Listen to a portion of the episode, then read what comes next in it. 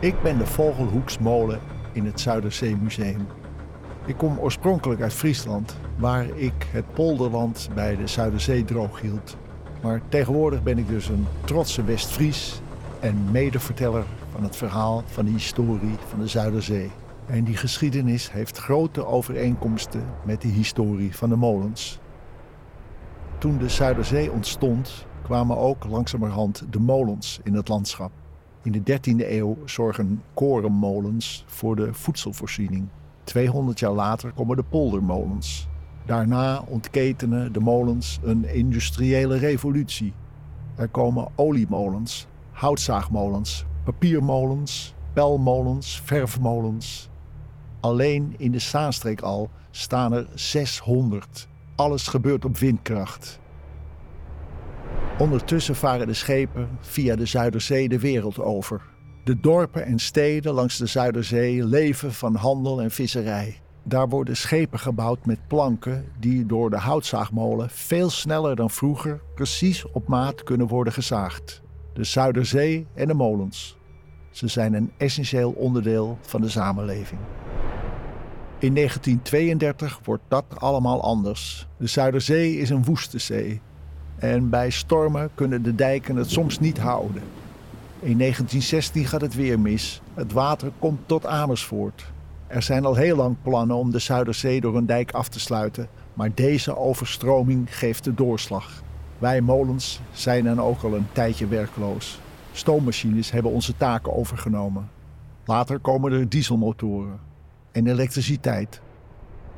Onze molenaars voelen zich als die trotse vissers die van generatie op generatie de Zuiderzee bevoeren en ineens geen inkomsten meer hebben. De molens en de botters raken in verval. Veel vissers laten hun boot zinken in het IJsselmeer. Ook wij molens worden afgebroken in die tijd. En de molens die overblijven staan vaak troosteloos in het land.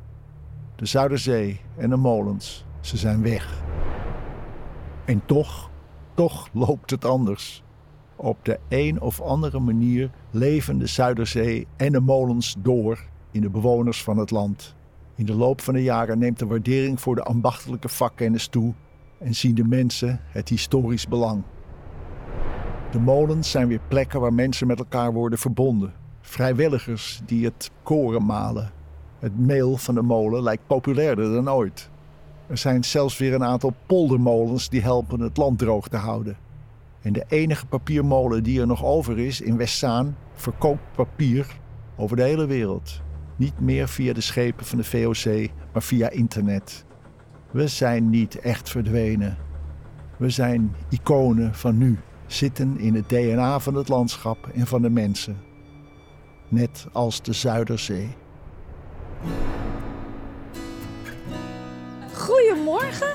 Morgen. Ik ben hier eh, bij het Zuiderzeemuseum volgens mij. Ja, Wie ben jij? ik ben Leslie. Hi Leslie. En eh, eh, wat brengt jou hier? Nou, ik heb een kunstwerk hier staan. ja. Het staat vlak bij de molen. Te- Ja. Ook te draaien. Het heet Oh. molenwerk. Ja. Wat leuk. Ja. Ga je het me laten zien? Ja. Ja, let's go. En, en wat inspireert jou om iets met een molen te doen dan? Ehm, na de beweging eigenlijk. Ja? Eh, ik maak vooral kinetische kunst, heet dat. Dus dat, dat eh, zijn driedimensionale beelden eh, die ook met beweging werken. Ja, oh, oké. Ja, voor de tentoonstelling Must See, die Anne van der Zwaag heeft samengesteld met Ja. het Zuiderzeemuseum. Zij heeft kunstenaars gekoppeld aan een icoon, bijvoorbeeld aan de windmolen in mijn geval. Dus dan gaan we naar eh, de molen eh, eh, kijken wat het opgeleverd heeft. Je ziet hem al in de verte en daar zo zie, verte. zie je ook nog een, een gek ding op het dijkje staan, Oh, wat aan het draaien is. is dat hem? Ja, een gek ding op het dijkje? ja ik, vind het, ik, ik vind het wel grappig, omdat je ziet wel de vorm is een beetje overeenkomstig met de molen.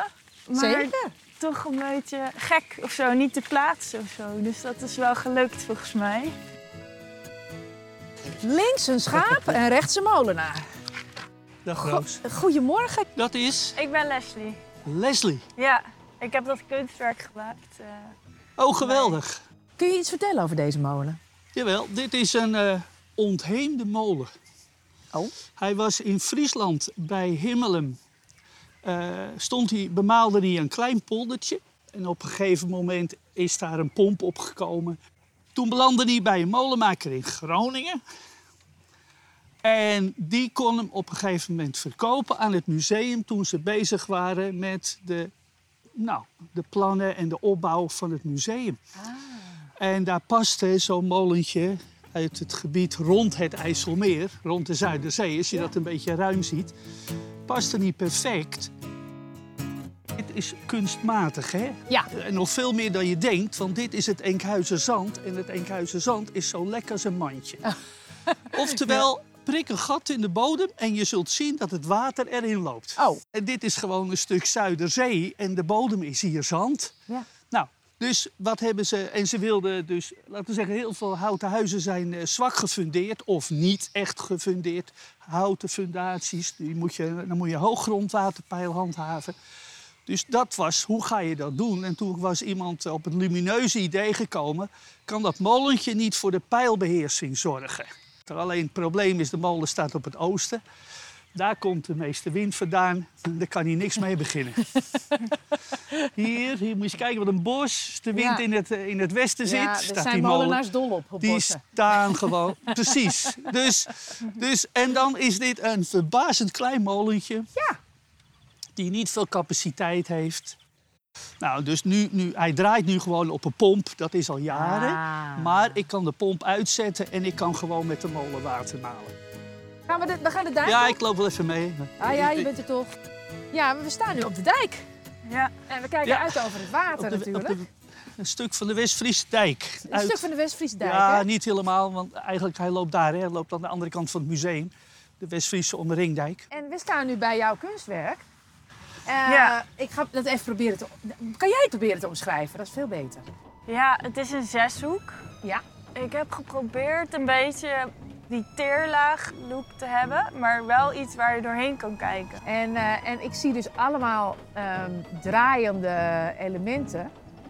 De bovenste bestaat uit lepels, volgens mij. Ja, dit Cool. zijn allemaal. Ik heb, de meeste heb ik ook gekregen van eh, het Zuiderzeemuseum. eh qua blikjes en lepels, spa- hoe heet zo'n ding? Spatels. spatels. En, en grote soeplepels, helemaal onderin. Ja, In allerlei vrolijke kleuren. En Ja, deze precies. draaien op de wind of, of, of wordt er nog iets aangedreven? nee, ze draaien Dit op is de de wind. en ik heb ze ook een beetje zo gezet dat ze verschillende kanten opdraaien. Ja, ja. Eh, sommige gaan harder dan andere. Het is eigenlijk een heel levend kunstwerk zo, hè? Ja. Afhankelijk van de wind natuurlijk. Goedemorgen, Goedemorgen. wie ben jij? Eh, ik ben Eva, vriend. Eva, ik ben Roos. Hi. Leuk je te ontmoeten. Ja, Wij wederzijds. lopen hier op een eh, iets wat eh, verlaten parkeerplaatsje. Richting de dijk. Ja. Richting het water. Ja. Eh, waarom zijn wij hier? ja, nou we zijn nu op de, de. Dat is eigenlijk de dijk die het IJsselmeer in tweeën hakt. Hè? Die heeft een soort van wal opgeworpen tussen het noordelijk gedeelte, wat nu nog het IJsselmeer heet. Ja. En het zuidelijk gedeelte, wat nu de Markermeer heet. Eigenlijk heette het vroeger natuurlijk allemaal de Het Zuiderzee. is natuurlijk allemaal de Zuiderzee, Ja, maar toch? dat is, dit is in 1976 geopend door Prins Klaus. Dat vind ik heel leuk. Dat- maar dat is verder een detail wat niet heel relevant Zeg maar, is. waarom weet jij hier zoveel van? Ja, nou, ik, ik ben historicus, maar ik ben opgegroeid eigenlijk op de bodem van de Zuiderzee. Eh, mijn grootvader kreeg eh, in eh, 1952 een boerderij. Hij kwam vanuit Noord-Holland, de Weren. Ja. Hij had gesolliciteerd, eigenlijk ingeschreven op een boerderij in de Noordoostpolder. Hij wilde graag vooruit en nieuw en strak en modern. En dat was in de jaren 50 waren die boerderijen te vinden ja, in de Nieuwe Polder. Ja. En ehm, ja, ja, dat was in 1952 en ik ben geboren in 1973. Dus toen was dat gebied eigenlijk nog maar 20 jaar oud. Ja. Door, juist doordat dat gebied zo jong was, waar ik opgroeide, jong en strak en ehm, heel erg vooruitgericht. Hè. In die polder keek iedereen vooruit, want Ja. ja. ze moesten daar wat opbouwen. Ja. Had ik een behoefte uit een soort van misschien wel puberale dwarsigheid om achteruit te gaan kijken. Ja. Dus ben toen geschiedenis gaan studeren. Maar ja, toen ik natuurlijk wat ouder werd, heel cliché, werd ik ook wel gefascineerd door de geschiedenis van het gebied waar ik vandaan kwam. En ondanks dat dit een heel jong gebied is, ehm, bleek de geschiedenis juist heel erg interessant. Ik ben op een gegeven moment historisch onderzoek gaan doen en heb eerst gekeken naar de totstandkoming van Flevoland. de polder de strenge selectie van de nieuwe generatie bewoners. Je mocht daar niet zomaar komen wonen. Je werd heel streng geselecteerd. Oh ja? Oh ja. En daar is dus toen mijn eerste boek over gegaan. Ehm, en toen ik dat boek, eh, toen, ja, weet je, dan heb je van die lezingen en zo in bibliotheken en, en vrouwenverenigingen. En, en dan kwam ik ook in de plaatsen rond de voormalige Zuiderzee. Dus eh, Volendam, Spakenburg, Elburg, Urk, Makkum. Weet je wel, al dat soort plaatsjes rond het eh, voormalige Zuiderzee. En dan vertelde ik heel leuk en trots over mijn boek en onderzoek en Flevoland. En dan merkte ik altijd dat er een soort van spanning in de zaal zit. Dat ze, wel, ze zaten er wel, maar ze vonden me ook een beetje... Nou ze- ja, ze hadden een beetje een hekel aan, maar ze keerden nog net niet eh, hun rug naar me toe. En dat kwam eigenlijk, merkte ik toen pas, dat ze een beetje een hekel hadden aan die polder. Want die had hen toen de tijd hun toekomst ontnomen. Het was natuurlijk heel leuk dat met Flevoland de grootste polder van de wereld was aangelegd. En, en dat die afsluitdijk ja, Nederland behoedde voor verdere overstromingen van die Zuiderzee. Ja, ik zou zeggen, joegij, Ja, precies. Maar, die, maar die, die Zuiderzeeplaatsjes ehm, leefden van de Zuiderzee. Die waren daarmee vergroeid. Die waren vergroeid met dat, met dat zoute water, met eb en vloed. Hè. Dat was, hè, we staan hier nu naar een, een mooi kabbelend ehm, Ja, plasje te kijken. ja heel rustig eigenlijk. Ja, heel vredig. En, en dat toen het de Zuiderzee was, was dat echt nog een zee zoals je dat hè, bij de Noordzee En voorstelt. je zegt van ze leefden daar toen van in de zin van visserij. Ja, en- precies. visserij. precies. En, en ook, ze waren natuurlijk vergroeid met dat water. Dus het eb en het vloed en, en, en de manier waarop ze met elkaar omgingen. En dat die mannen dan weer thuis kwamen op vrijdagmiddag of op zaterdagmiddag. Het bepaalde het ritme in die dorpen. Ehm, En dus als je niet viste, dan eh, rookte je vis. Of je maakte netten, of je verkocht vis. Of Ja. je, weet je, iedereen was op de een of andere manier daarmee Die vergroeid. hele economie was eigenlijk Ja, daarvan En, afhankelijk. en, en ja. toen kwam dus die dijk. En, en, en ja, toen moesten ze zichzelf opnieuw uitvinden. Is en, daar en toen veel verzet geweest eigenlijk ook in die dorpen? Nou, niet, in- niet op een hele grote schaal. Dat, Nee. dat zou je eigenlijk verwachten. nou ja, Ook, ik zou me eh, best wel voor kunnen stellen inderdaad. Helemaal met de bril van Kom, vandaag. even een stukje Oh, lopen. komt, eh, ja, Kom- sorry. Ja. komen opeens enorme Ja, er komt, vrachtwagens. eh, vind, vind ik niet nou ja, idyllisch. als je- Als je, daar, als je er met de bril van vandaag naar kijkt, dan denk je... we gaan met gele hesjes naar het Binnenhof en, Ja. en we verzetten ons hier tegen. ja, ja. Ehm, toen in 1918 die, die Zuiderzeewet werd aangenomen, was er geen massaal verzet. Ook omdat de bewoners toen de tijd dachten... ja, dat gaat ze nooit lukken. Een Oh ja? afsluiten. Ben Oh, je dat hebben ze gewoon niet geloofd. ook. Nee, en de rest van Nederland was er heel trots op. Ja, Het was eh, in, in, in 1918, dus de, de, de, de rest van Europa was verwikkeld in de Eerste Wereldoorlog. Nederland was neutraal, deed er niet aan mee. nee. Maar wilde zich wel ook internationaal profileren. En, en daar was die afsluiting en die dijk een enorm mooi project voor. Dus ze waren daar trots op. Het was werkverschaffing. Ze legden een polder aan waarmee ze landbouwproducten konden verbouwen. Ehm, ze behoeden Nederland voor eh, verdere overstromingen. Hè. In 1916 was de, afsluit, of de Zuiderzee heel eh, overstroomd. Echt met doden in Marken en Ja. s- water tot aan de straten van Amersfoort. Dus ja, dat, dat, dat afsluitdijk maakte dat Nederland mee kon in de vaart der volkeren. En wat was het gevolg eigenlijk toen het, toen het dus allemaal inderdaad zo veranderde?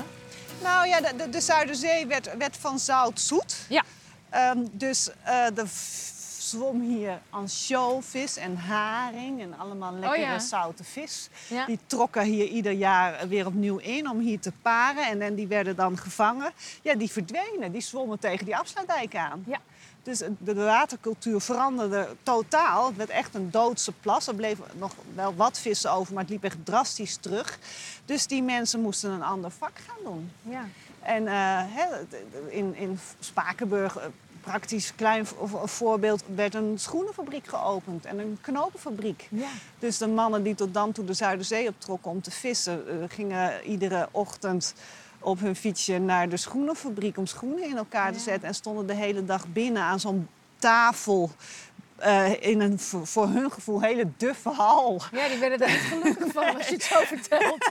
nou ja, ze waren natuurlijk vrijheid gewend. En, Ja. en ze trokken die zee op en ze bepaalden zelf wanneer ze hun netten uitgooiden.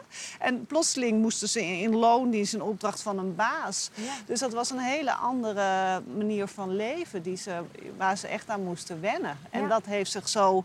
Nou ja, weet je, in 1918 werd de Zuiderzeewet aangenomen. In 1932 sloot de afsluitdijk. Dus ze hadden wel... Dat, ja, die, die periode, dat duurde best wel lang. Toen waren het de crisisjaren. Toen was het de Tweede Wereldoorlog. Dus nou ja, toen... toen werden die veranderingen geleidelijk duidelijk. Maar in, ja, in de jaren 40, 50 werd echt wel manifest van... we moeten, we moeten iets anders, we kunnen niet verder. Nee. Hè, Volendam bijvoorbeeld woonden ook heel veel Zuiderzeevissers. Leefden ook veel mensen van de Zuiderzeevisserij.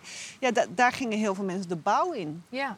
Heel Ja. veel Volendammers, Stukendoors, zijn Ja. natuurlijk bekend. Nog steeds, hè? Ja, nog steeds, precies. En dat is toen eigenlijk begonnen in die wederopbouwjaren. Toen Nederland heel veel huizen moest bouwen en al die nieuwbouwwijken verrezen. Toen dachten die Volendammers, nou ja, dan, we kunnen niet meer het water op. Dan stappen we in een busje en dan rijden we die Randstad in. Heel pragmatisch. Ja, heel en ondernemers en Ja. zelfstandig. En, en ehm, er zit een, een zekere trots ook wel in van, want de overheid heeft ons dit afgenomen. Die heeft ons ook niet echt geholpen. Er was wel een Zuiderzee steunwet, maar dat was allemaal heel moeizaam en ehm, omslachtig. Dus ze dachten, nou dan moeten we dat zelf maar zien te redden.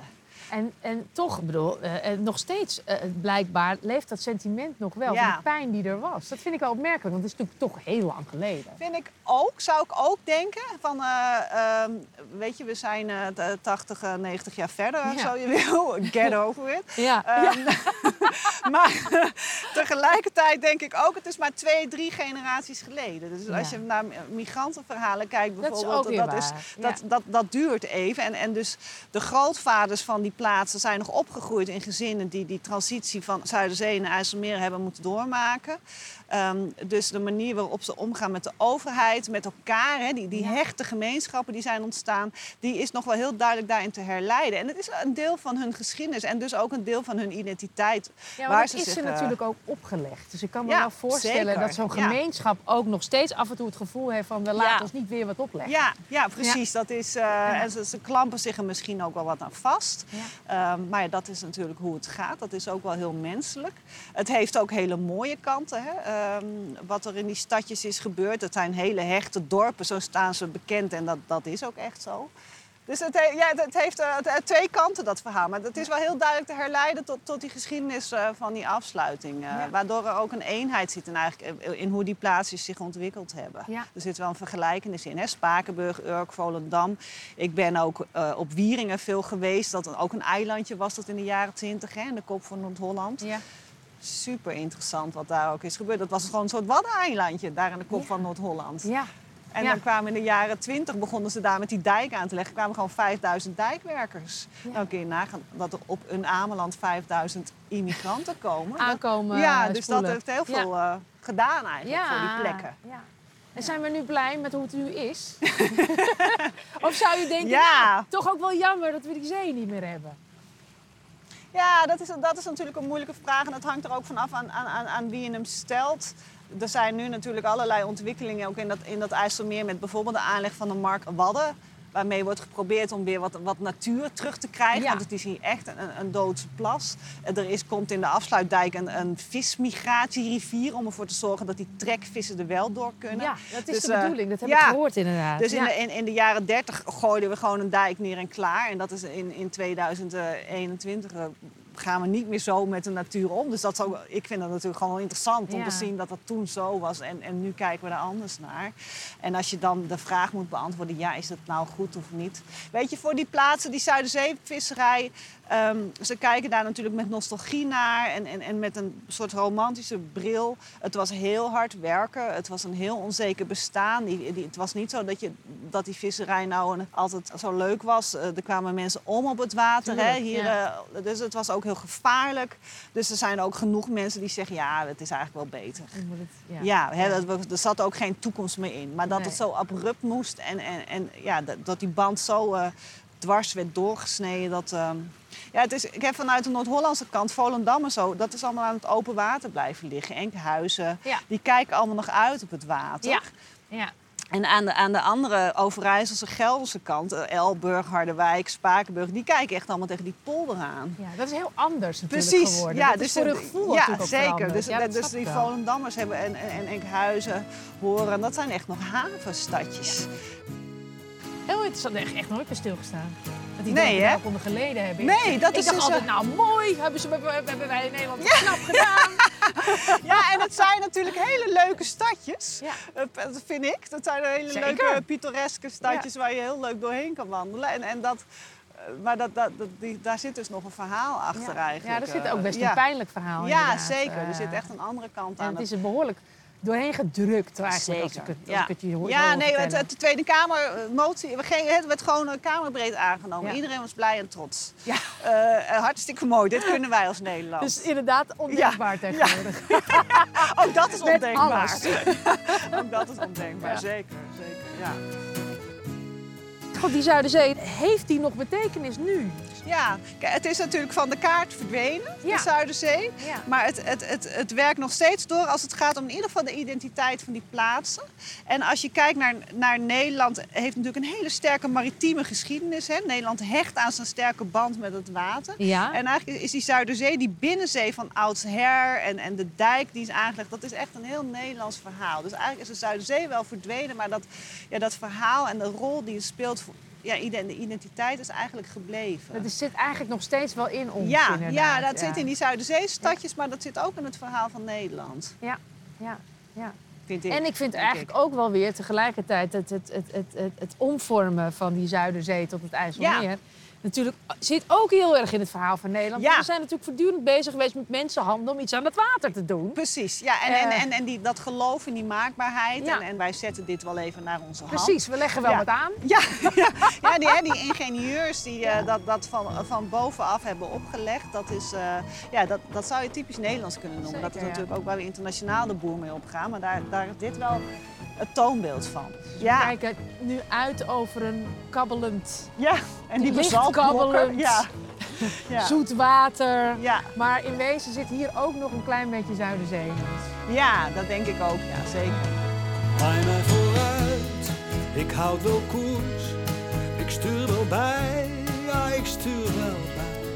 Leid me naar dorpen, meren en steden.